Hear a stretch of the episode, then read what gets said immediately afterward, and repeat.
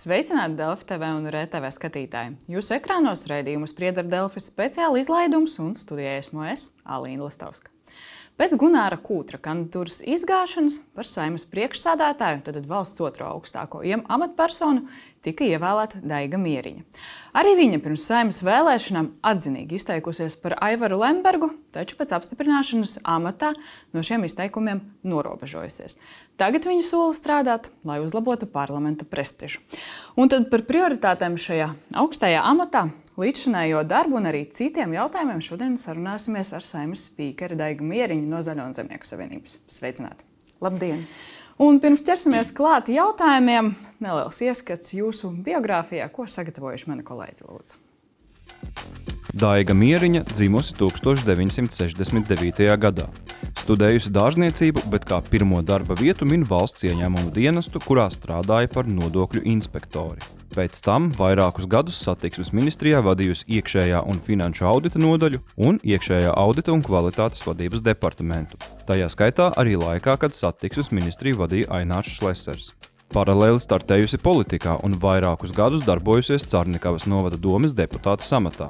Sākotnēji ievēlēta no apvienības par savu pagastu, pēc tam no Tautas partijas, bet 2009. gadā ievēlēta domē no Zaļo un Zemnieku savienības jaunā laika un visu Latvijai kopējā saraksta. Tad arī Mieriņa pirmo reizi nonāca Cārnikavas domes priekšsādātājas krēslā.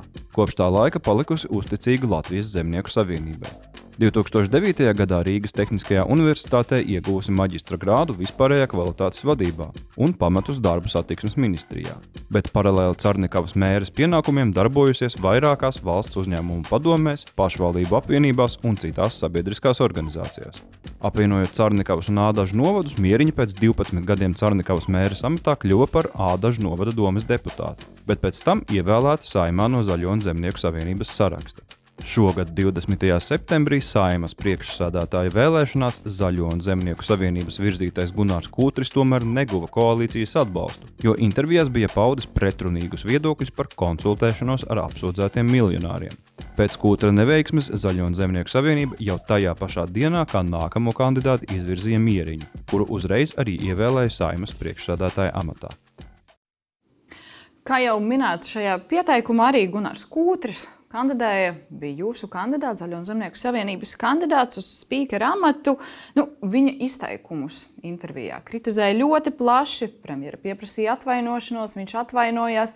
Tad atkal pateica, ka nožēlo to atvainošanos, bet ZZS tik un tā stingri turējās pie viņa kandidatūras. Jūs arī atbalstījāt viņa balsojumā. Tad Mieriņas kundze, nu, jūsuprāt, Kūtra kungs būtu bijis labs spīkers?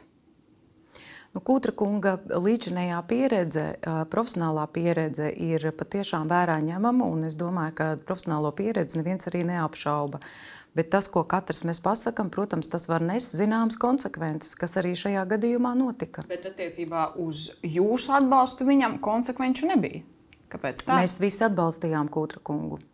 Bet kāpēc tā mierīņas kundze jūs sakat, visu, ko mēs pasakām, tam ir konsekvences, un šajā gadījumā, nu, vismaz no jūsu puses, konsekvenču nebija?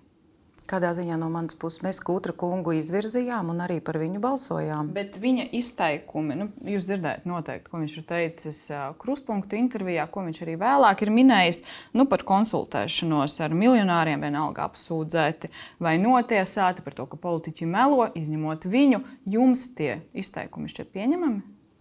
Nu, redziet, eh, tas, ko Kūtra kungs arī pateica, kā jau minēju, tās konsekvences arī bija. Mēs redzējām, ka saimā viņam pietrūka balss, pietrūka atbalsta. Un līdz ar to arī Jā, mēs saprotam, tas ir kopumā. Bet es prasu par jūsu nostāju. Vai jūsuprāt, politiķiem, jūs runājat par saimnes prestižu, sabiedrības uzticību politiķiem. Un vienlaikus cilvēks, politiķis, kurš nāk klajā ar šādiem izteikumiem, jūs turpināt viņu atbalstīt ļoti augstam amatam. Vai jūsuprāt, tas ir pieņemami? Tas ir tas, ko es prasu. Kāpēc jūs nemainījāt savu pozīciju? Vai jūsuprāt, tie izteikumi nebija pietiekami, lai mainītu pozīciju? Nu, mēs, kā jau vēlreiz saku, mēs pietiekoši ilgi pazīstam Kūtra kungu un viņa profesionālo darbību, un mēs viņu vērtējam tīri kā profesionālu, kurš varētu arī ieņemt šādu amatu, jo viņš ir tiešām arī jau iepriekšējos darbos parādījis ļoti labi sevi. Labi. Un tāpēc mēs arī viņu virzījām un arī no viņa nenorobežojāmies. Mierniņš kundze, tad jūs sakat, profesionāls, viņš ir labs. Bet, ja mēs paskatāmies no tā aspekta par viņa izteikumiem, šādi izteikumi politiķim augstajā amatā ir pieņemami. Es domāju, ka jebkuram politiķim, protams, ir jāatbild par saviem vārdiem. Un jebkuri vārdi, ko katrs politiķis no mums pasaka, viņi, protams, arī var nest šos tālākos lēmumus, ko mēs arī redzējām. Šajā gadījumā tas tā arī notika. Bet tas nebija jūsu lēmums, tas bija faktiski koalīcijas lēmums. Ja partneri pie viņa pieturētos, arī atbalstītu kandidatūru, ko ZZS virzītu, tad nu, šo konsekvenču vispār nebūtu bijis. Nu, redziet, mēs, mēs ļoti dažādi varam vērtēt uh, cilvēkus. Uh, mums uh, Latvijā ir pierasts ļoti kritiski vērtēt. Un tas ir saprotams, tāpēc ka cilvēki grib redzēt amatos profesionāli, nevainīgu, ar ļoti labu reputāciju, kas māca pasniegt un nest savu valsti ar godu un cieņu. Un skaidrs, ka cilvēki nepiedod kļūdas. Jā, nu, tāpēc es arī jums jautāju par jūsu personīgo vērtējumu un jūsu personīgo atbalstu. Jūs sakat, cilvēki vērtē ļoti kritiski. Es gribēju saprast arī to jūsu personīgo vērtējumu. Bet, nu, labi. Uh, par Kūtra kungu vēl nedaudz. Uh, sākumā viņš minēts, ka kultūras ministra amata kandidāts nozara viņu ļoti smagi kritizēja. Tad ZZS netika šīs amats. Uh, tad Kūtra kungs tika izgāsts. Balsojumā par saimnes spīkeru, bet tomēr ievēlēts saimnes pilsonības komisijas vadītāja amatā. Nu, es jau pieminēju, jūs sakat par saimnes prestižu, bet tas ir nu, tāds uzticību veicinošs. Gadījums, kad cilvēks, kurš divreiz nu, faktiski netiek ievēlēts iespējams amatā, tad viņš tiek pie cita tomēr amata.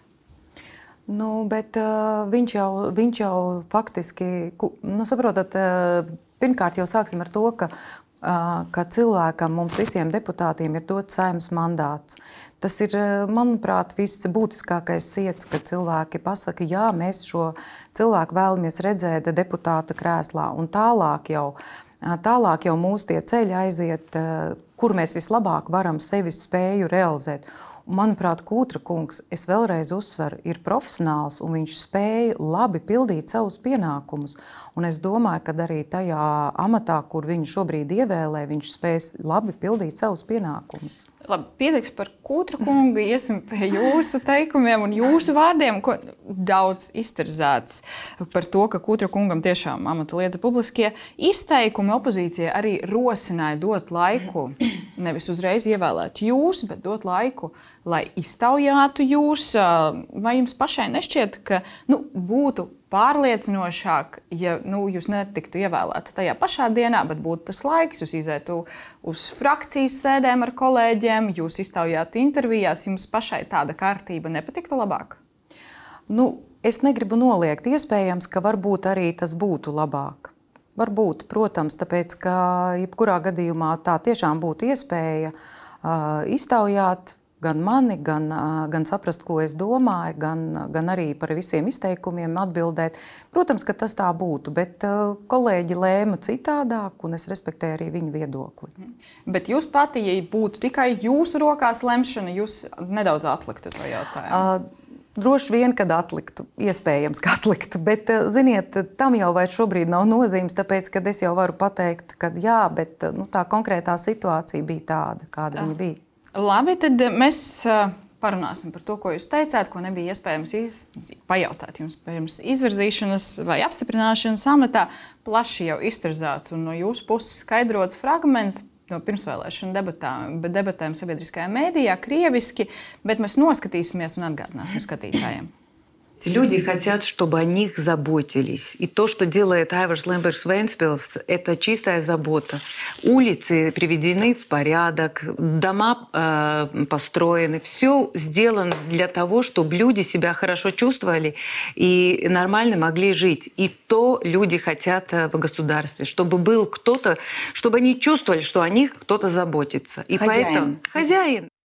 Nu, tad uh, Aivars Lembergs, labs saimnieka paraugs, arī skaidrojot, ka tā ir priekšvēlēšana, nu, tāda retorika. Jūs sevi pozicionējat kā saimnieku savā zemē, zināms, zezais sauklis, bet nu, tobrīd jums bija pārliecība, ka Aivars Lembergs ir labākais saimnieka paraugs. Es vēlreiz varu tikai atkārtot to, ka mēs visi, kas kandidējām, mēs liela daļa esam pašvaldību vadītāji. Un tas sauklis saimnieks savā zemē pilnībā attiec arī uz pašvaldībām, jo mēs esam tie, kas vispirms tie, kas ar cilvēkiem, mēs viņiem palīdzam gan sociālā jomā, gan izglītības jomā, gan, gan kā jau minēju, domājam par to, lai viņiem nosvaltētu ceļus, lai savestu kārtībā, lai nodrošinātu transportu. Un tās ir tīri tādas saimnieciskas lietas. Jūs varētu teikt, redz, kā es Cernikovu tur bija, tur bija jautājums tieši par, Lember, nu, par Lemberga kungu un caur šo prizmu, caur saimniecisko prizmu. Jo šobrīd jau arī kas notiek valstī, cilvēki ko vēlas? Viņi vēlas, lai viņiem būtu mazāk elektrības rēķini, lai viņi varētu izdzīvot, lai viņi varētu uh, izglītot savus bērnus, lai viņiem neslēgtu skolas. Un tie visi ir saimnieciskas dabas jautājumi. Tie ir jautājumi, kas cilvēkam rūp šodien. Viņi grib, lai par viņiem rūpētos, lai par viņiem gādātu kāds un lai viņi šīs rūpes sajustu. Un caur šīm rūpēm mēs arī varam nodot šo vēstījumu cilvēkiem, ja, ka lūk, mēs esam atbildīgi pret viņiem. Jūs esat atbildīgi pret viņiem, bet šodien, pēc otras instances sprieduma par to, cik Aivars Lembergs ir labs saimnieks, jūs savas domas esat mainījusi? Es nevērtēju viņu, viņa darbību caur šo prizmu, kā viņš ir apsaimniekojis līdzekļus un kas ir bijis ar, ar viņa tiesvedību. Es runāju tikai būtiski. par to, kas ir izdarīts Ventspēlī tajā mirklī, kad man jautāja, kāds ir, nu, ielas ir savestas kārtībā, tas ir fakts ir skolas, ir izglītības iestādes, ir daudz labas Bet lietas. Korupcija caur... un vispārējais, par ko runā tiesvedība, caur nu, saņemt pastarpināti ne, nelikumīgi līdzekļus. Gribētu... Galvenais, lai sakārto ielas. Man gribētos, lai mēs vienādi izturētos pret visiem Latvijas pilsoņiem, kamēr nav šī notiesājošā sprieduma mēs nevaram pateikt, ka viņš ir jau vainīgs, darbojas nevainīguma prezumpcija un tas ir ļoti būtiski un svarīgi. Bet tad jums arī otras instances lēmums, kas atzina Aivaru Lembergu par vainīgu, lai gan arī samazināja cietumsodu par vienu gadu, nu, tas jums nav arguments pašlaik.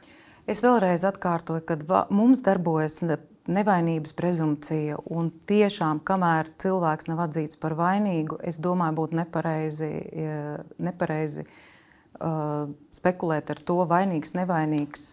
Labi, bet jūs no tiem izteikumiem nolēmāt norobežoties. Tieši tā. Bet, bet nu, svarīgi ir, nu, labi, jūs norobežojaties. Tas nozīmē, ka jūs vienkārši vairs to neatkārtojat, vai jūs arī mainījāt savas domas? Nē, es, nemai, es uh, neatkārtošu to, ko es jau esmu minējusi. Es uzskatu, ka uh, mans pienākums uzliek darīt visu, lai nemestu ēnu uz valsti un lai nebūtu šie reputācijas riski. Mēs esam katrs savā vietā. Un pienāks brīdis, kad mēs redzēsim, kāda tā situācija ir, un arī vai tas būs notiesājuši vai nenotiesājuši spriedums. Tā kā to mēs visu redzēsim.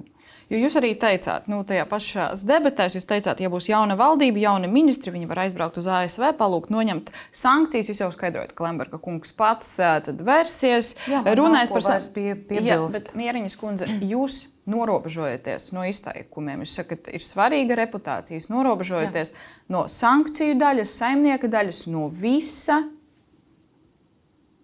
No visa mieriņa kundze, no visa, ko jūs teicāt par Aivaru Lembergu. Es vēlreiz varu teikt, es norobežojos no visa tā, kas var kaitēt mūsu Latvijas valstī un, un radīt jebkādus reputācijas Sapratu, riskus. Bet kas no tā, ko jūs teicāt, radīja šos riskus jūsuprāt?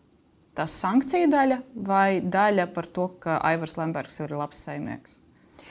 Jo jūs pati, nu, ja jūs sakat, norobežojas no visa, kas rada riskus, acīm redzot, kaut kādus riskus jūs saskatāt. Bet es gribu nu, saprast, Nu, mēs esam jau daudz par to runājuši, ka mums ir sakārtota struktūra, lēmumu pieņemšanas struktūra. Uh, Mēs esam vienojušies arī ar jauno valdību, ka pie darba galda un, ir sēžas tie cilvēki, kas ir ievēlēti saimā, kuri atbild par to, par pieņemtiem lēmumiem, par tālāku lēmumu virzību. Tā kā tas viss ir skaidri jau noteikts, mēs esam jau parādījuši arī ar saviem darbiem, tāpat arī koalīcijas līgumā tas viss ir atrunāts. Tas viss arī parāda mūsu attieksmi pret un arī uh, reālo darbu pret, uh, pret visu, pret mūsu valsti. Ja, es atgādināšu, jūs minējāt jau, ka otras instances spriedums nu, nav galīgs, ko to pārsūdzēs. Noteikti vēl būs tiesvedība, turpināsies. Es atgādināšu, ko jūs teicāt uh, Latvijas televīzijā, kad jums prasīja specifiski par otro instanci. Parīt ir gaidāms otrās instances tiesas spriedums. Ja arī tas būs nelabvēlīgs viņam, tāpat kā pirmais, vai tas varētu būt tas brīdis, kad uh, ZZS domā par kādiem jauniem soļiem? Nu, es domāju, ka uh, mums jāsagaida tiesas spriedums, tad mēs skatāmies, kāds viņš ir. Un, nu, protams, ka frakcijā mums noteikti būs diskusija par to, ko darīt tālāk. Es jau nebūšu viena, kas to visu izlēma. Mēs kopā frakcijā par to arī lemsim. Tā lemšana frakcijā tad ir notikusi?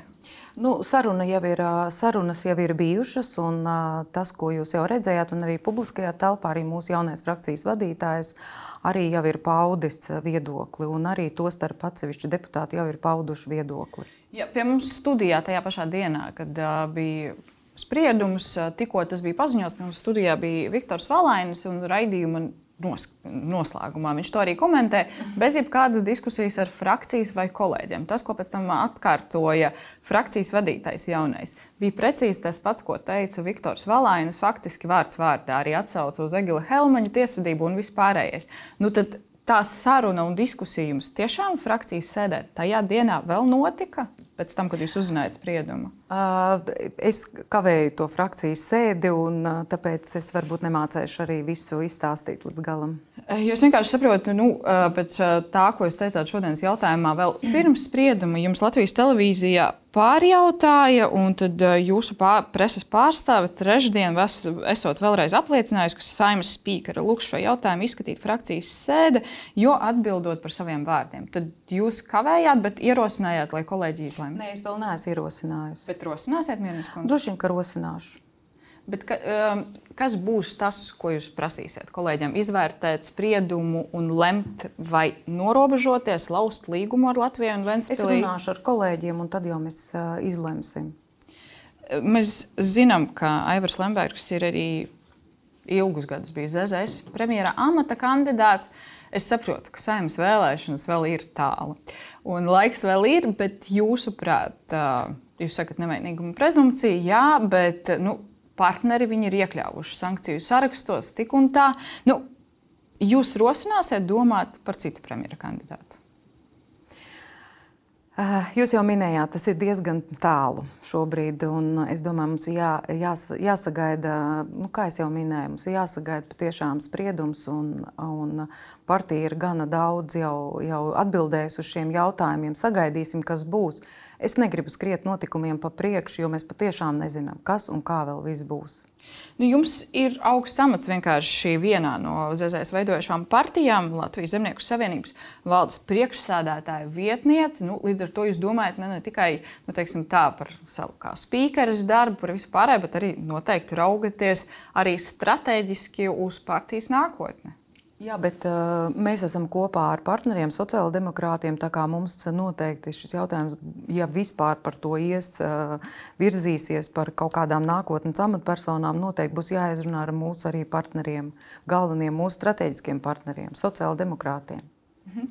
Un, nu, jūs arī daudz esat teikuši, ka, protams, jūs kopīgi pieņemat lēmumu, bet, ja mēs paskatāmies piemēram uz to, nu, kādā proporcijā ievēlēti parlamentā, nu, Zemnieku savienībā ir tāds, nu, teiksim, ļoti vadoša loma, un līdz ar to varbūt arī jūsu teiktajam proporcionāli būtu lielāka nozīme. Mēs partijā runājam patiešām. Mēs runājam daudz un diskutējam, un skaidrs, ka mums ir valde, mums ir zēzēs valde. Un, uh, nav tāda, ka man varbūt būtu lielāka, kādam lielāka vai mazāka loma. Mums koleģiāli tiek pieņemti lēmumi, un līdz ar to arī koleģiāli mēs tālāk lemsim. Tad frakcijā jūs rosināsiet, tas varētu notikt nākamnedēļ? Es nevaru jums šobrīd atbildēt. Neatbildēsiet, bet noteikti varēsiet informēt, ka tā saruna jā, būs. Man ir jāizrunā vēl ar kolēģiem. Ar ko jūs konsultēsieties? Mieriņas kundze ar frakcijas deputātiem? Nu, ar, ar, droši vien ar kolēģiem. Jā. Uh, labi, nu, jūs norobežojaties no izteikumiem, uh, un, nu, kā jau minējām, daudz, un jūs arī daudz runājāt par to, ka tas ir tāds, lai radītu iespaidu laikam pirms vēlēšanām. Un, uh, Jums tad, tagad, kā saimnes priekšsēdētājs, nāk strateģiskie partneri, ASV, piemēram, pārstāvji. Un, ja viņi jautās jums, jūs teiksiet to pašu, ka jūs norobežojaties no visa, un, ja viņi gribēs sīkāk iztirzāt, jūs arī teiksiet, ka viss jau ir pateikts. Nu, skatīs, es skatīšos un vadīšos pēc situācijas, kāda ir, kas viņus tieši konkrēti interesē, un noteikti runāsim par riskiem. Tad, attiecīgi, arī tad arī attiecīgi vērtēsim. Labi, nedaudz par priekšvēlēšanu solījumiem kā tādiem. Nu, vai ir jāpilda vispār jūsuprāt?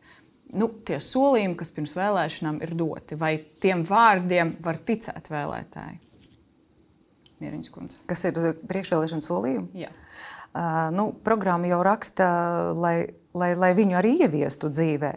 Tad, kad veido koalīciju un kad veido mm, partijas uh, deklarāciju, tad, tad kopējo darbu deklarāciju, tad mēģina vienoties un atrast tos saskarsmes punktus, par kuriem var vienoties un kurus var ielikt iekšā deklarācijā.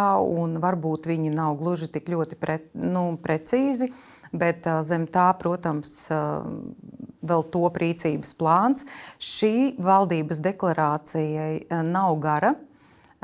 Jo... Faktiski tas, ko jūs sakat, solījām, bet tad tālāk ir kompromisu māksla, kad Jā. mēs nonākam valdībā. Bet jums bija posms, kad jūs bijat opozīcijas deputāti. Es vienkārši atgādināšu, piemēram, sabiedriskajā mēdījā jums arī prasīja pirms vēlēšanām, kas būtu tad pirmā iniciatīva parlamentā. Jūs sakat, sociālā drošība, nevienlīdzības, nabadzības mazināšana, vienota universāla pabalsta ieviešana, nulles likme vienīgajam mājoklim. Atceramies, Zēzēs to rosināja, bet Mieriņš kundze šajā sasaukumā jums bija tāda iniciatīva mm, šajā rosināt tieši šos jautājumus? Nulles likme vienīgajam mājoklim. Nu, Mēs... Tas ir pārbaud, tas pārbaudāms jautājums. Jā, nē, mums, kā jūs labi zinat, šobrīd saimā ir iesniegts grozījuma kadastra likumā, ar kuru tad tiks sakārtot šis kadastra reģistrs, kurā būs patiesās nekustamā īpašuma vērtības, no kurām tālāk tiks risināts un, un, un rēķināts nodoklis. Un skaidrs, ka tā ir viena no manām arī prioritātēm, un, lai, lai mēs varētu kaut kā mūsu iedzīvotājus pasargāt, jo šis nodoklis skar absolūti visu. Es arī esmu to arī minējusi kā vienu no prioritātēm. Mēs Bet, nu, noteikti. Nu, tur ir prasīts pirmā iniciatīva. Šis parlaments tūlīt jau būs gads kopš strādā, tad nulles likme nerosinājāt. Nulles likme būs jārosina, būs jārosina vai nulles likme vai daļēji. Vai daļēji uh, daļēji nulles likme. Nu, tas varētu būt, ka, piemēram, mājoklim ir nulles likme, bet zemē tomēr ir kaut kāda likme.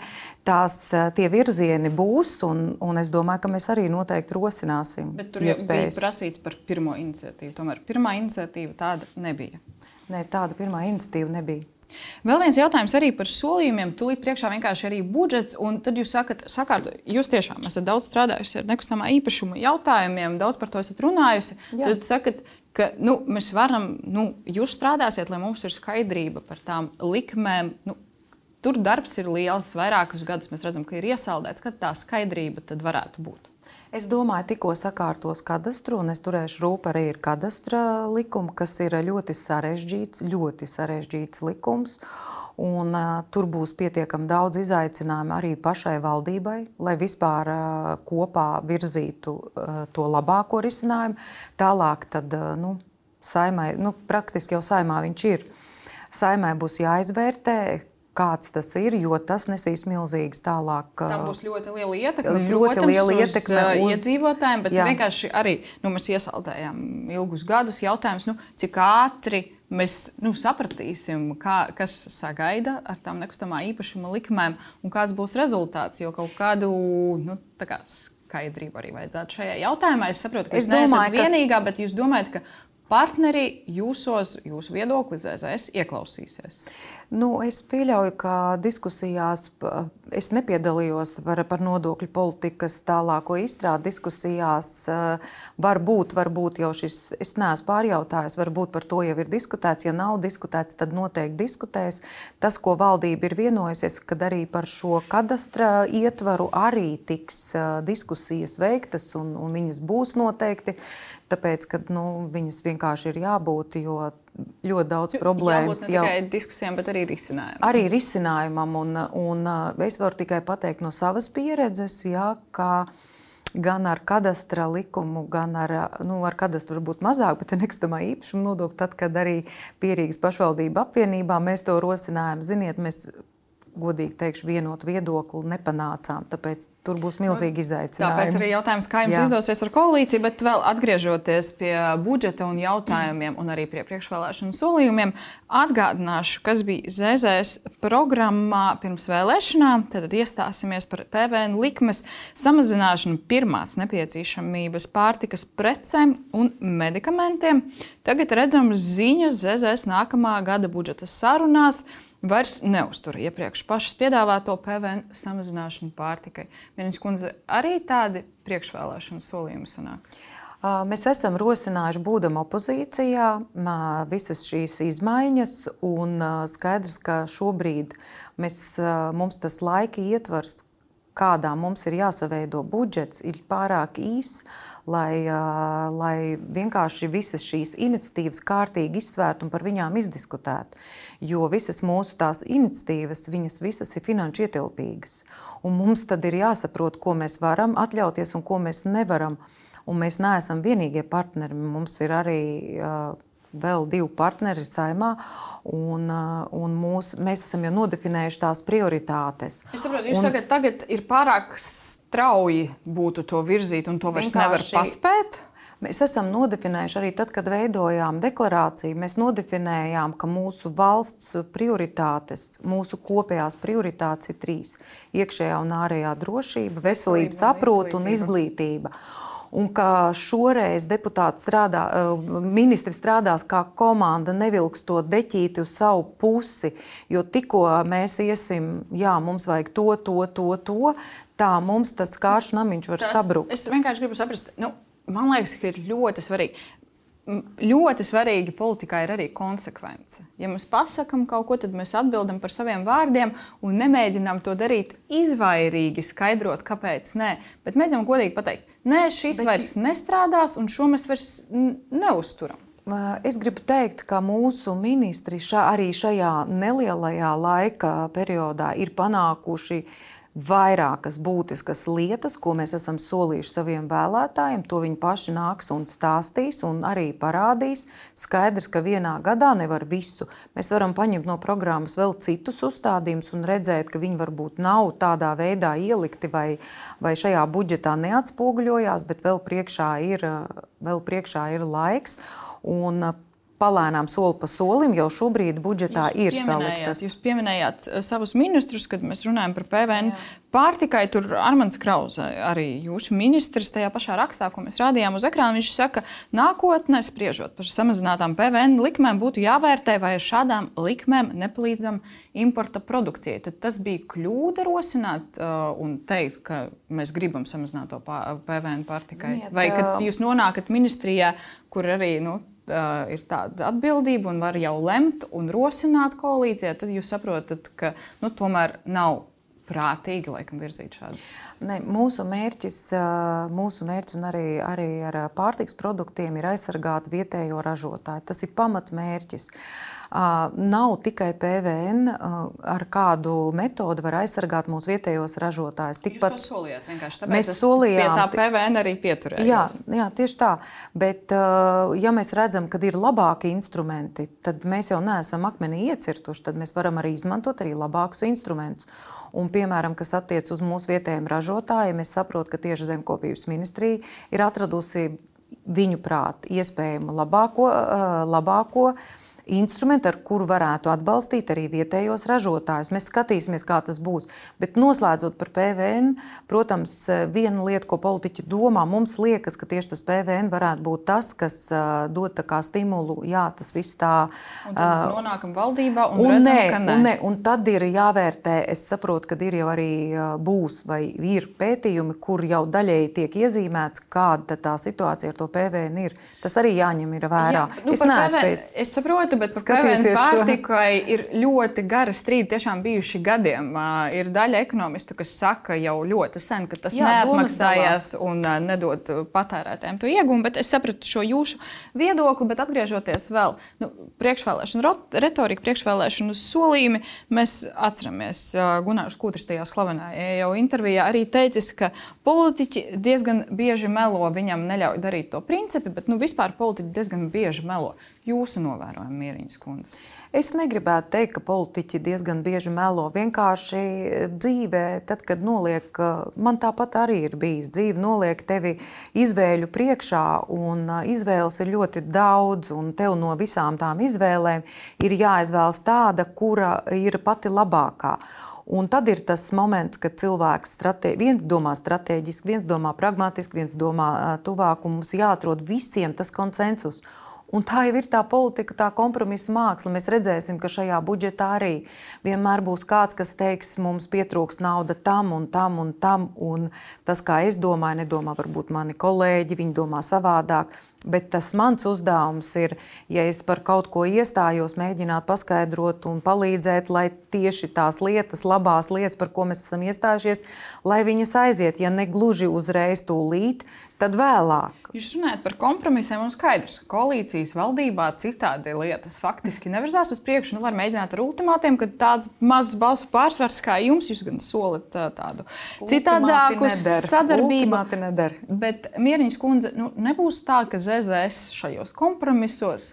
Nu, Daļu solījumu, tad solījumu pazaudēs. Daļu varbūt vērtību vai ideju nāksies nu, teiksim, tā, atteikties no tām. Uh, nu, mūsu, mūsu darbu vērtē iedzīvotāji, cik labi mēs esam strādājuši un kā mēs esam spējuši savas vērtības noturēt un varbūt aiznest. Uh, Tas, būs, būs, tas būs pārbaudījums nākamajās vēlēšanās, kur mūsu vēlētājs pateiks, mēs esam labi strādājuši, vidēji vai slikti strādājuši. To mēs redzēsim. Redzēsim noteikti, bet labi, no tādas ZZS vispārīgiem jautājumiem uh, uz darbu saimnes priekšstādātājs amatā un jūsu pieredze. Nu, kad bija tās diskusijas, vai vajag vairāk laika deputātiem, lai iepazītos ar jūsu kandidatūru, nu, tribīnē kāpa Ainārs Šlesers, un varam noklausīties, ko viņš teica. Partija Latvija pirmajā vietā atbalstīs uh, Daigas Mieriņas kandidatūru, jo es viņu pazīstu personīgi. Laikā, kad es biju satiksmes ministrs, piecu gadu garumā Mieriņas kundze vadīja vienu no svarīgākajiem departamentiem satiksmes ministrijā, atbildēja par iekšējo auditu. Es domāju, ka šodien, tad, kad ir lielas problēmas ar valsts budžetu, tad, kad ir problēmas ar eh, jautājumiem, kas skar ienākumu palielināšanu valstī un izdevumu samazināšanu, es domāju, ka ja saimnes eh, priekšsēdētājai būs šādas zināšanas no, no iepriekšējiem darbiem, tas ir ļoti, ļoti svarīgi. Ļoti atzinīgi. Mēs parunāsim vēl par to jūsu pieredzi. Toreiz arī Šlesera kunga vadītajā ministrijā. Nu, jūs par Šlesera kungu arī pēc tās iepriekšējās sadarbības esat tikpat labās domās, kā viņš par jums. Nu, redziet, mans darbs satiksmes ministrijā nebija no tiem patīkamākiem. Es vienmēr nesu ne tās labākās ziņas, līdzīgi kā valsts kontrole, kad kaut ko auditē, mēs arī auditējām. Un nesām šīs ziņas, kad redz, kur ir iespēja uzlabot šo struktūru, ir iespēja kaut ko pilnveidot, tur varbūt nav īsti pareizi bijis. Kā, nu, par viņu kā par ministru man varbūt ir par viņu kā par ministru es uh, atsakos vērtēt vienkārši tā iemesla dēļ, tāpēc, ka es biju viņa padotā tajā laikā. Nu, nu, ne viņa padotā, bet strādāja tajā struktūrā. Nu, bet tagad jūs neesat padoti. Jūs tagad, tagad mēs esam kolēģi, tagad jā. mēs esam kolēģi, un viņš pilda savu pienākumu, un mēs pildam savu pienākumu. Labi, bet uh, nu, um, mēs redzējām arī jūsu izglītību un jūsu pieredzi. Nu, kā jūs ar savu, nu, teiksim tā, izglītību tobrīd dārzkopībā nonācāt šādā amatā? Nu, jā, es mācījos Buldūra dārzkopības tehnikumā, un tajā laikā tur bija arī jau tajā laikā tur bija programma arī uzņēmējdarbība, faktiski jau tajā laikā, un grāmatvedība, ko mēs mācījāmies. Tā kā finanses un jau bija no tehnikuma laikiem, faktiski vidusskolas kurs bija kopā. Un to var redzēt arī pēc dokumentiem. Vēlāk tas viss tā arī aizgāja. Es arī papildus mācījos dažādos kursos. Tie tur nemaz nav minēti. Arī finanses un grāmatvedību un, un visas šīs lietas un auditu iekšējo. Tā bija toreiz savā laikā ļoti jauna. Uh, jauna lieta. Nu, jūs sakat, jūs bijāt kvalificēta. Nu, tas, nu, kad, protams, grāmatas kopumā, dārzkopībā, bet kopumā nu, arī uh, audita lietas, tāpat, grāmatvedību pārzinājāt. Tāpat arī, arī mācoties augstskolā, bija gan ekonomika jāmācās, gan, gan finanses, gan vadība. Nu, pilnīgi viss tur bija.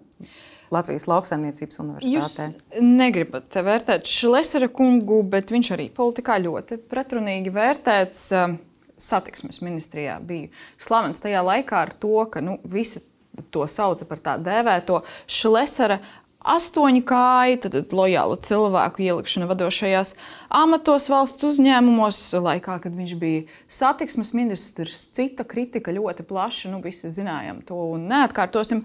Jūs to auditējot, uh, audita nodaļā, strādājot ministrā, ministrijā, pamanījāt kaut ko tādu? Bija kaut kādas lietas, ko mēs pamanījām, bet viņa politiskie lēmumi ir viņa politiskie lēmumi. Un uh, skaidrs, ka mēs auditē, iekšējais audits ir iekšējās kontrolas sistēmas izvērtēšana. Un politiskos lēmumus mēs nevērtējām. Uzreiz gribu pateikt. Jūs sakat, kaut ko varēja pamanīt, bet mēģinājāt celt Mēs trauksmi. vērtējām, kā, šos, kā šie lēmumi tiek īstenoti dzīvē, ar kādām metodēm, kādās, ar kādu kontrolas sistēmu. To mēs vērtējām. Un to mēs arī sniedzām, par to arī mēs sniedzām savus atzinumus. Nu, jūs, Lemberga kungu, saucat par labu saimnieku. Šlesera kungs ir labs saimnieks, jūsuprāt?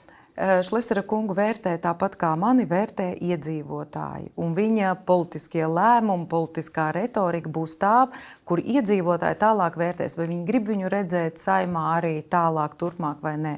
Un viņa reputācija, kā politiķa reputācija saimas prestižam, par ko jūs gribat turēt rūpi, nāk par labu.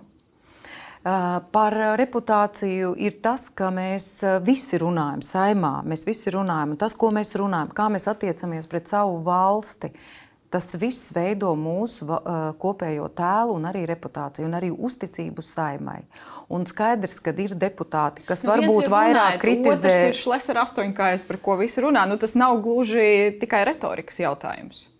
Es varu vērtēt savu partiju, Šlesera partiju, Šlesera kunga partiju vērtē Bet viņu vēlētājs. partneris viņš jums būtu pieņemams?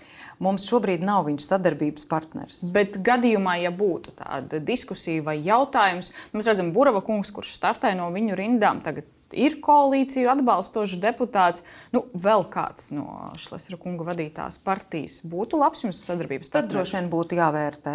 Bet Šlesera, jūs personīgi gribētu ar Šlesera kungu vēl sadarboties? Mēs šobrīd sadarbojamies ar to, ar ko mēs sadarbojamies. Mēs esam skaidri nodefinējuši savas vērtības, mēs esam skaidri nodefinējuši savus, savu redzējumu un esam izveidojuši tādu koalīciju, kuras ietvaros mēs varam sadarboties un labi strādāt. Mēs zinām, ka sarkanās līnijas politiķiem novēl, kad ir reāli darbi par koalīciju, bet pašlaik jūs sakat, šie ir mūsu pieņemami sadarbības partneri.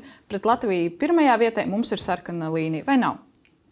Mēs vispār tādu vārdu kā sarkanās līnijas neesam, neesam nekad vilkuši, jo nu, mēs ļoti labi redzam, ka savalkot tās sarkanās līnijas, pēc tam ir ļoti grūti pašiem strādāt. Mēs esam konstruktīvi, mēs vēlamies strādāt ar, ar tiem cilvēkiem, ar kuriem mums ir ideoloģiski redze, saskare, un arī ar tiem partneriem, ar kuriem mēs redzam, ka mēs varēsim īstenot mūsu mērķus. Sarkanās līnijas tad, uh, nav tas, ko jūs velkat, pret mēs stabilitātei neesam... arī ne.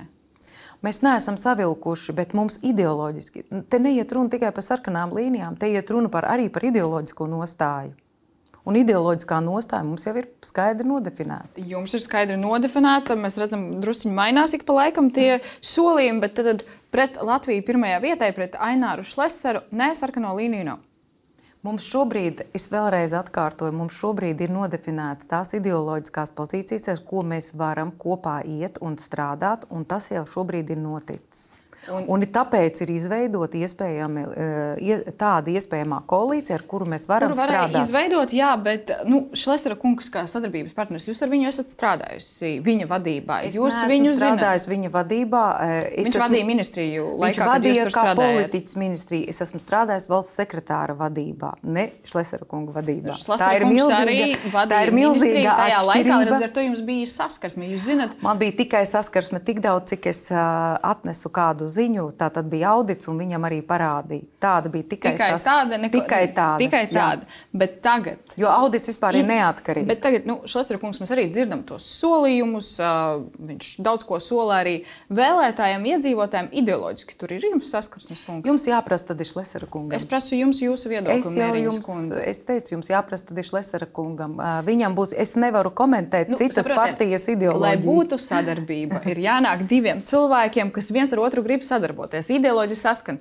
Šlesera kungs var teikt, ka viņam saskan, un tad seko jūsu atbilde, ko jūs viņam sakat. Saskan, nesaskan. Es jums vēlreiz saku, mēs esam jau izveidojuši valdību, ar kuru mums saskan šī ideoloģiskie uzstādījumi, un arī mums saskan redzējums par darāmiem darbiem, kas ir ļoti svarīgi, lai Latvija varētu attīstīties un virzīties uz priekšu. Jums bija ļoti daudz ideoloģisko pretrunu ar progresīviem, bet tagad nu, mēs varam secināt, ka ar progresīviem ideoloģiski jūs esat tuvāki nekā ar Latvijas pirmajā vietā. Latvija pirmajā vietā. Mēs esam ar kā koalīcijas partneri mēs esam izveidojuši deklarāciju, kurā esam salikuši lietas, par ko mēs varam vienoties.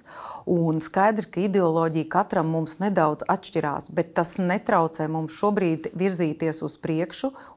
Esam vienojušies par kopēji darāmiem darbiem, kas, manuprāt, ir ļoti būtiski. Mēs redzējām, cik ātri iepriekšējā valdība beidza savu darbu, un šī ir saima un parlaments un tāds partiju salikums, kur variāciju ir ļoti daudz. Tāpēc ir ļoti svarīgi noskaidrot mieriņu skundzi, ar ko jūs būtu gatavi. Mēs dzirdējām, kā pirms vēlēšanām vilka sarkanās līnijas, visi runāja, un tad pēkšņi mainīja domas. Un mums ir ļoti svarīgi, jūs sakat, mēs, mums jāatbild par vārdiem. Tāpēc es jums jautāju šos jautājumus. Kādas ir iespējas, kā jūs to redzat? Tāpēc es arī atbildu, ka mēs esam izvērtējuši, izveidojuši tādu valdību, kāda šobrīd ir, un kas būtu, ja būtu, tas būtu jāvērtē pilnīgi citi, jo tur ir ļoti daudz mainīgo faktoru. Ļoti daudz. Un līdz ar to mēs vairāk nevērtējam citas iespējamās jūs, valdības. Mēs esam jau, mēs Mieriņa, esam jau novienojušies. Jums, jums Mieriniņš kundze, nu tad jūs arī prognozētu, ka šī valdība nostrādās līdz sasaukuma beigām. Es redzu šai valdībai ļoti daudzas, pat, pat pareizāk sakot, vairākas pozitīvas iestrādes. Pirmkārt, ka ministri ir vienojušies strādāt komandā. Otrakārt, ka ir vienojušies par prioritātēm, ir vienojušies, ka nevilks to deķīti katrs uz savu pusi, bet raudzīsies no valstiskā viedokļa un skatījuma. Un tas, manuprāt, ir ļoti labi ļoti labi. Un saima palīdzēs, eh, lai visi kopā mēs varētu arī visus tos eh, programmas uzstādījumus arī īstenot. Nu, faktiski jūs pieturēsieties pie tā, ka neviens to deķīti uz savu pusi nevelk, tad eh, līdz sasaukuma beigām arī varēs. Es novēlu, es novēlu, es neesmu gaišrīts, bet es novēlu šai valdībai nostrādāt. Un, un novēlu šai valdībai arī īstenot tās lietas, par kurām mēs esam visi kopā vienojušies lai ir spēks un izturība. Jūs, kā jau minējām, esat vadījusi Cārnekavas pašvaldību ilgu laiku, saņemat jau kritiku, gan mēs dzirdējām no jūsu partneriem par Cārnekavas iepirkumiem, par skolu. Mēs dzirdējām, nu tad, kas ir uzbūvēta arī ar aizņēmumu un RF līdzekļiem, nav tā kapacitāte sasniegt, nav tā piepildīta tā skola tā, kā bija cerēts. Nu, jūs nesaskatāt tur savas kļūdas, Mieriņas kundze? Par Cernikovas skolu. Uh, un kāda kapacitāte Cernikavas pamatskola ir būvēta. Nu, maksimāla ar... ietilpība 900 vietas. Jā, bet Cernikavas skola... pamatskola ir būvēta ar skatu, ar ilgtermiņa strateģisko redzējumu uz nākotni, ka viņa būs vidusskola. Un ja mēs paskatāmies šajā gadā, 1. septembrī labā ziņa bija tā, kad uh, vis, daudzas skolas tiek slēgtas, bet Cernikavas skolā nākotnē būs vidusskola. Man liekas, ka jau ar nākamo gadu. Un mums mācās 400 bērni ārpus Cernikavas. Mums tā vidusskola ir ļoti nepieciešama, jo ādažos faktiski vispār jau nevar uzņemt bērnus. Tur ir 10. klases un vidusskola. Tā kā tas ir ilgtermiņa redzējums. Ilgtermiņā mēs būvējām šo skolu, lai mēs neā, nebūtu pie, pie tādas situācijas, ka mēs gribam vidusskolu, bet mums patiesībā jau nav kur likt tos bērnus. Es domāju, ka tas ir pareizs deputātu kopējs lēmums ar skatu, ka mēs gribam, lai tur būtu vidusskola. Mhm. Vēl bija tā tāds nu, projekts, industriālais parks, kurā ieguldīts 6 miljoni eiro. Mežgarciems nu, uh, sākotnējos mērķus vēl pagaidām nav izdevies arī sasniegt. Nu, no 11 zemes gabaliem pārdoti 7, arī citi mērķi nav sasniegti. Nu, ja projekts nu, netiks līdz galam tos mērķus nesasniegs, nāksies atmaksāt daļu no tiem līdzekļiem. Nu, Tātad no 11 zemes gabaliem ir pārdoti jau 7, bet ir jāsaprot viena lieta, ka tad, kad mēs sākām, sākām šo degradētās teritorijas sakārtošanu, Tad tā ietvaros mēs uh, izbūvējām ūdeni, kanalizāciju, ceļus, visu sakārtojām.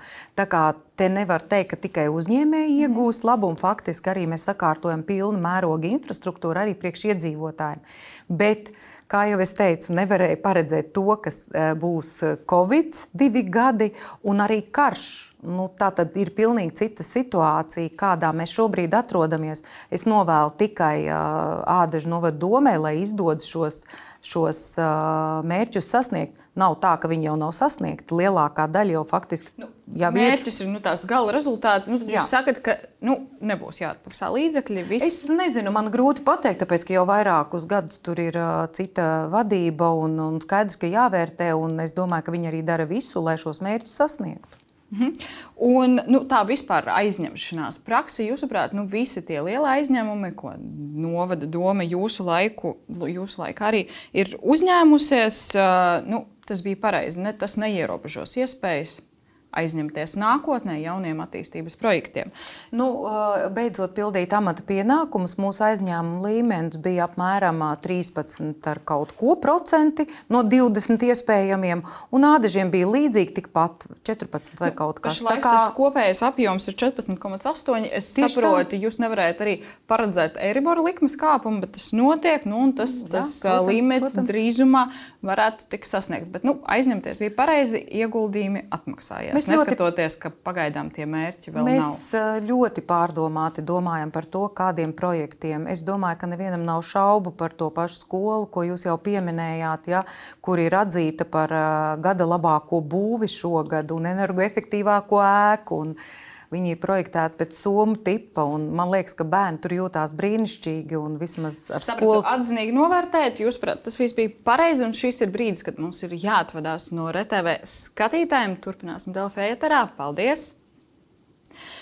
Un, nu, Vēl runājot par uh, mežgarciem, nu, to uzbūvēto parku, tur ir saglabāts nu, kā, teiksim, vēstures liecības, tāds kā turisma objekts, kur nu, ir uh, tādi nu, padomju armijas reprezentējušie vidas objekti. Nu, pašlaik tas jūsuprāt ir pieņemami? Nu, tas droši vien ir jāvērtē, ir vai nav pieņemami, bet tā ir vēstures liecība, kas vienkārši palikusi, jo savulaik mēs šo objektu tika iekļauts Eiro Velo 13, kas ir dzelzs priekškara, dzels priekškara maršruts, kur ir iespējams 6000 km garumā izbraukt visas postpadomju valstis, kur kaut kādi militāri objekti ir palikuši un bijuši, un tā kā vēstures liecība kad, nu, kad bija. Un tad, kad vēsturisko tādu vērtību. Jā, tikai vēsturiska, no vēsturiska aspekta, kas tur ir bijis. Un tad, kad pie mums sāka braukt pirmie turisti, un mēs viņus aizvedām uz to mm, mežgarciem, kas faktiski bija nu, tāds palieks no padomu laika, tad viņi, te, viņi pie tās sienas, viņi to sienu vienmēr fotografēja, nu, kas tur vēl drupas tur palikušas. Un mēs sapratām, ka mēs varētu viņus noņemt un tos, to, to veco padomu laiku sienu atstāt kā tādu, nu, kas tad te ir bijis. Uh, Nu, skaidrs, protams, situācija ir mainījusies. Var ja, viņu, ja var viņu strādātu ņemt. vēl pašvaldībā pēc 24. februāra, kad sākās pilna mēroga iebrukums, Krievijas iebrukums Ukrainā, jūs saglabātu? Es uh, negribu zīmēt, kas būtu, ja būtu. Es šobrīd tur neesmu. Bet nu, tā no malas raugoties, ieteiktu. Es vēlreiz saku, es tur šobrīd neesmu, un tas ir jāvērtē pašiem deputātiem, jo tas zināmā mērā ir tāds politisks lēmums. Politisks lēmums. -hmm. uh, labi, uh, parunāsim vēl par jūsu darbu. Saimnes priekšstādātājs amatā skaļi izskanēja ziņa par to, ka svešvalodas jūs nepārvaldat tādā līmenī, ka jums nebūs nepieciešams tulks. Nu, varbūt jums ir plānā šajā laikā mēģināt intensīvi apgūt kādu svešvalodu. Jā, mēģināšu uzlabot. Kuru jūs mēģināsiet? Angļu valodu, Angļu valodu kundze? Jūs sarunājāt jau kādus. Nē, šobrīd ir, ir, ir lūgts pameklēt attiecīgu cilvēku, kas varētu man palīdzēt.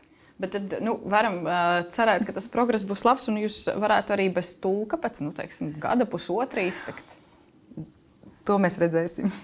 Bet nu, kopumā jūs par to, ka jūs nepārvaldat valodu, jūs to saskatāt, ka tas nu, varētu nedaudz ierobežot vai mazināt to kvalitāti, kādā jūs veicat tos diplomātiskus arī pienākumus. Es domāju, ka nē, jo svarīgs ir vēstījums.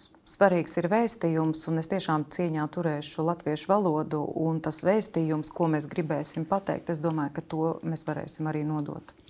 Kolēģus pirms viņi jūs virzīja šīm amatām, jūs izrunājāt šo jautājumu, informējāt viņus, nu, frakcijas kolēģus, es domāju. Mani kolēģi zina par mani visu. Visu zina. Vairāk vai mazāk zina visu. Labi, un tad tas svarīgākais jautājums. Manā ieskatā tas arī ir ļoti būtiski par saimnes prestižu un par iedzīvotāju uzticamību politikai, iesaisti, sekošanu līdzi. Jūs par to daudz runājāt, ka nu, tad, tad, jūs arī teicāt, ka, ka vajag parādīt, ka spējam darīt darbu labi. Mieriņas kundze, nu, kā tad jūs to parādīsiet, ka to darbu darat labi? Nu, tas ir ieklausīšanās arī cilvēkos un sabiedrībā. Un man jau šobrīd ir, es esmu palūgusi norganizēt tikšanos arī ar nevalstiskām organizācijām, lai mēs varētu salikt uh, tos pieturas punktus, kā mēs turpmāk strādāsim, kā mēs skaidrosim savus pieņemtos lēmumus, informēsim. Tad, tad būs noteikti nu, jau pirmā ir- tikšanās. Viens ir informēt, tiešām skaidri, skaidrot uh, tos likumus, otrs, lai tā procedūra ir saprotama, caurredzama, kāpēc tādi lēmumi ir tapuši, kādas ir intereses. Tas arī būs jūsu redzeslokā. Gan eh, es jau minēju, gan arī skaidrot par pieņemtiem likumiem. Kā jau teicu, viņi ir uzrakstīti juridiskā valodā, bieži vien grūti saprotami. Tad arī šis eh, skaidrojums, mēs, eh, ka- kas ir domāts, Es domāju, ne, nevis ne tikai par normu un rezultātu. Es domāju, Mierīņas kundze arī par to, kāpēc deputāti to izlēma. Nu, mēs zinām, bieži vien notiek tā. Trešais lasījums nonāk kāds priekšlikums, kas ļoti būtiski maina to jēgu un domu. Un nevienmēr nu, deputāti mēdz, mēs ļoti labi zinām, izvairīties no tām atbildēm, kā viņi to skaidro. Bet jūs, kā saimnes priekšstādātāji, Nu, tad būs mēģināt. jāskaidro, jā, protams, un es arī to darīšu un, un centīšos un skaidrošu, kāds tad bija tas, protams. eh, Protams, savu iespēju robežās, eh, tik cik es to varēšu, bet, eh, protams, ka es to darīšu. Protams. Bez skaidrošanas un tikšanās ar NVO, ko jūs vēl šajā jomā varētu darīt? Nu, es domāju, ka arī pašai saimai jākļūst ir, ā, modernākai, mūsdienīgākai. un Tas ir arī attiecas uz digitāliem risinājumiem. Tur gana daudz ir ko darīt. Es varbūt negribu iet šobrīd detaļās, tāpēc, kad mēs arī jau vairākas aktivitātes runājam jau nākamā gada, uz nākamo gadu budžetu, lai varētu arī to starp arī par struktūru, lai viņi būtu efektīva, lai, lai mēs varētu, lai mūsu tas parlaments būtu nu, tāds, nu, tāds, ka mēs varam strādāt ā, moderni, ātri, efektīvi, maza ekonomiska valsts pārvalde. Varbūt ekonomiski negluži, bet nu, tāda tiešām. Tostarp arī Moderni- birokrātijas mazināšana. Tostarp Moderni un efektīvi. Nu, ko tas nozīmē? Saku, Jūs teicāt, negribat detaļās, bet nu, vienu Tas piemēru nozīmē, varbūt. tas nozīmē, ka jābūt ir efektīvai struktūrai, lai lēmumu process neietu caur daudzām struktūra vienībām, bet viņš ietu ātri, lai katrs varētu uzņemties savu atbildības līmeni un nodot to vēstījumu pēc iespējas ātrāk, nevis ilgāk. Jo bieži vien valsts pārvaldē tā tas ir, ka baidoties uzņemties atbildību, uh, ir daudzie saskaņojumi, ir daudzās rezolūcijas. Nu, mēs jau to visu redzam.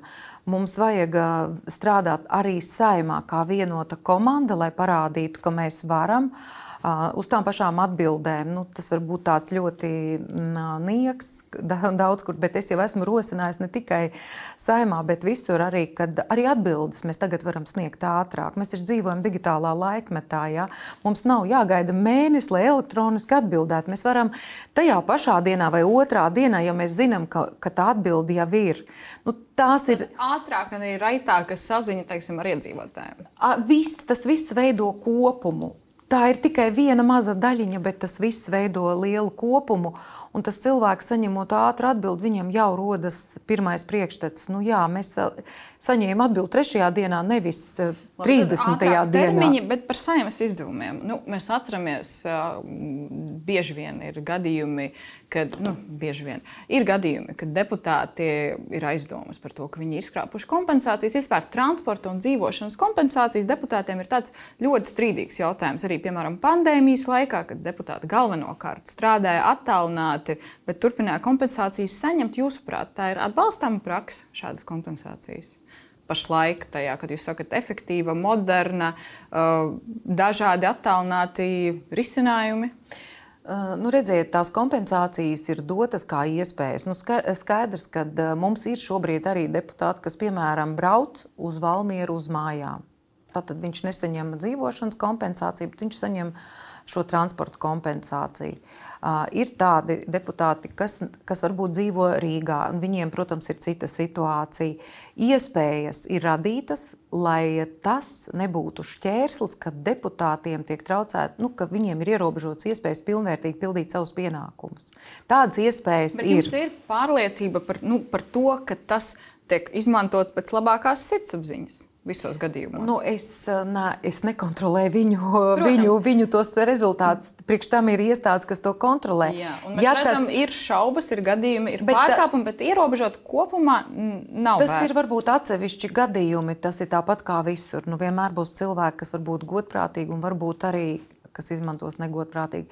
Es ļoti, ļoti ceru, ka šajā saimā ir ievēlēti godprātīgi cilvēki, kas izmanto atbilstoši. Mēs arī ļoti uz to ceram, bet, ceram. bet atgādinot par to uzticību, mēs parādīsim vēl tos uh, datus par to, ko iedzīvotāji domā par saimu. Jūlijā tikai 14% atbildēja jā, jautātu par to, vai šīs parlaments strādā labāk kā iepriekšējais, tas ir vēl sliktāk nekā desmitās saimas laikā, kuru Valdis Zafors toreiz atlaida nu, Mieriņas kundze. Nu, Mēs runājam par valdības deklarāciju, skaidri nosakām mērķi. Varbūt jūs runājat par uzticību, arī varat teikt, nu, ja tikai 14% saka, ka šī saima ir labāka, nu kā tad jūs gribētu, lai pēc termiņa beigām iedzīvotāji vērtētu? Ideālā variantā, ja, protams, tas uzticības līmenis augtu. Es nevaru pateikt procentuāli, cik viņš augtu, bet ja viņš tomēr viņam būtu tendence virzīties uz augšu kaut vai gadu no gada, tad tas jau būtu milzīgs sasniegums, jo mums tas arī būtu jādara, lai uzticību saimai vairotu. Nu, darīsim, nu, Protams, ja tas nebūs tā, tad tas viennozīmīgi norādīs, ka kaut ko mēs esam darījuši nepareizi. Tad uh, redzēsiet arī savu atbildību. Es tajā. redzēšu arī savu atbildību, neapšaubām. Es, nu, viennozīmīgi. Labi, paldies jums par šo sarunu. Ceram, ka tās paldies. labas ieceras tiešām īstenosies un iedzīvotāju uzticība politikai kopumā augs. Paldies jums, ka skatījāties un uz tikšanos jau drīz!